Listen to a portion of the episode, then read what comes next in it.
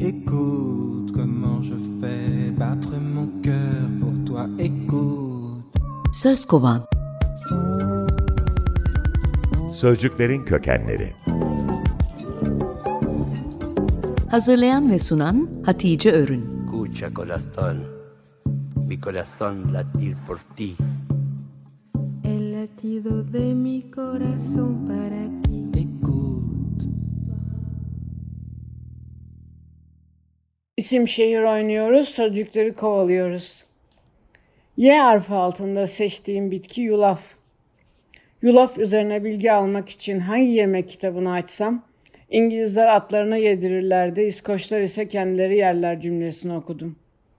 Yulaf, sağlıklı tahıl listesine gireli beri dünyanın pek çok ülkesinde insanlar atların yemine talip oldu ve üretilen yulafın %10'u kahvaltı sofralarında yerini buldu.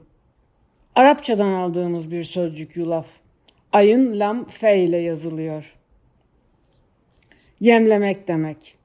Altında hiç fiil olmadığı, verilen sözcükler de yapay olduğu için bu sözcük Arapça olmayabilir. Ama bu sözcük esas alınarak Osmanlıca'da hem hayvan yemine hem de sipahilere yeniçerilere 3 ayda bir verilen maaşa ulufe denmiş. Ağılda beslenen hayvan için uluf, ağıl için ise malif sözcüğü var. Fransızca yazan Lübnanlı Arap yazar Amin Maluf'un soyadının ne demek olduğunu hep merak ederdim. Yulafı ararken buldum.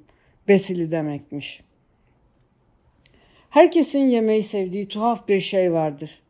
Ben de filizlendirilmiş yonca tohumlarını ilk tattığımda taşıdıkları güzel kokuyu çok sevmiş, bütün sandviçlerimin içine koymuştum. Yonca'nın İngilizcesi alfalfa. İngilizceye İspanyolca üzerinden girmiş. Başında al olan diğer İspanyolca sözcükler gibi Arapçadan. Sözcüğün aslının Arapça el fısfısa olduğunu yazıyor sözlükler. Taze yonca demek. Siz isterseniz fasafiso deyin. Ben gidip sözlüğe baktım.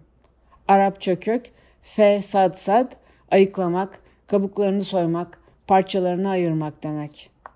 Fas ve fes portakalın dilimi, sarımsağın dişi, yoncanın yaprağı gibi bölmelere verilen isimler.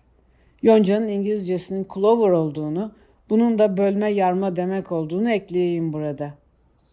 Gelelim benim yulaf sözcüğünün alfalfaya benzese de Arapça olmadığı kanıma.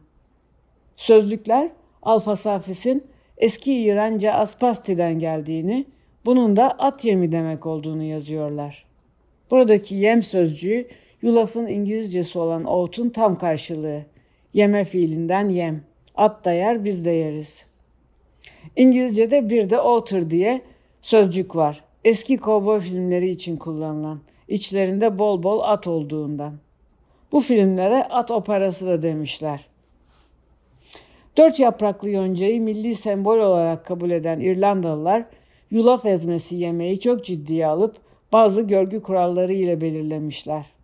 Bunlara göre eğer sütü yulaf ezmesinin üzerine dökerseniz ya da şeker eklerseniz siz bu görgüye sahip değilsiniz. Benzer karşılık ne olabilir Türkçe'de diye düşündüm.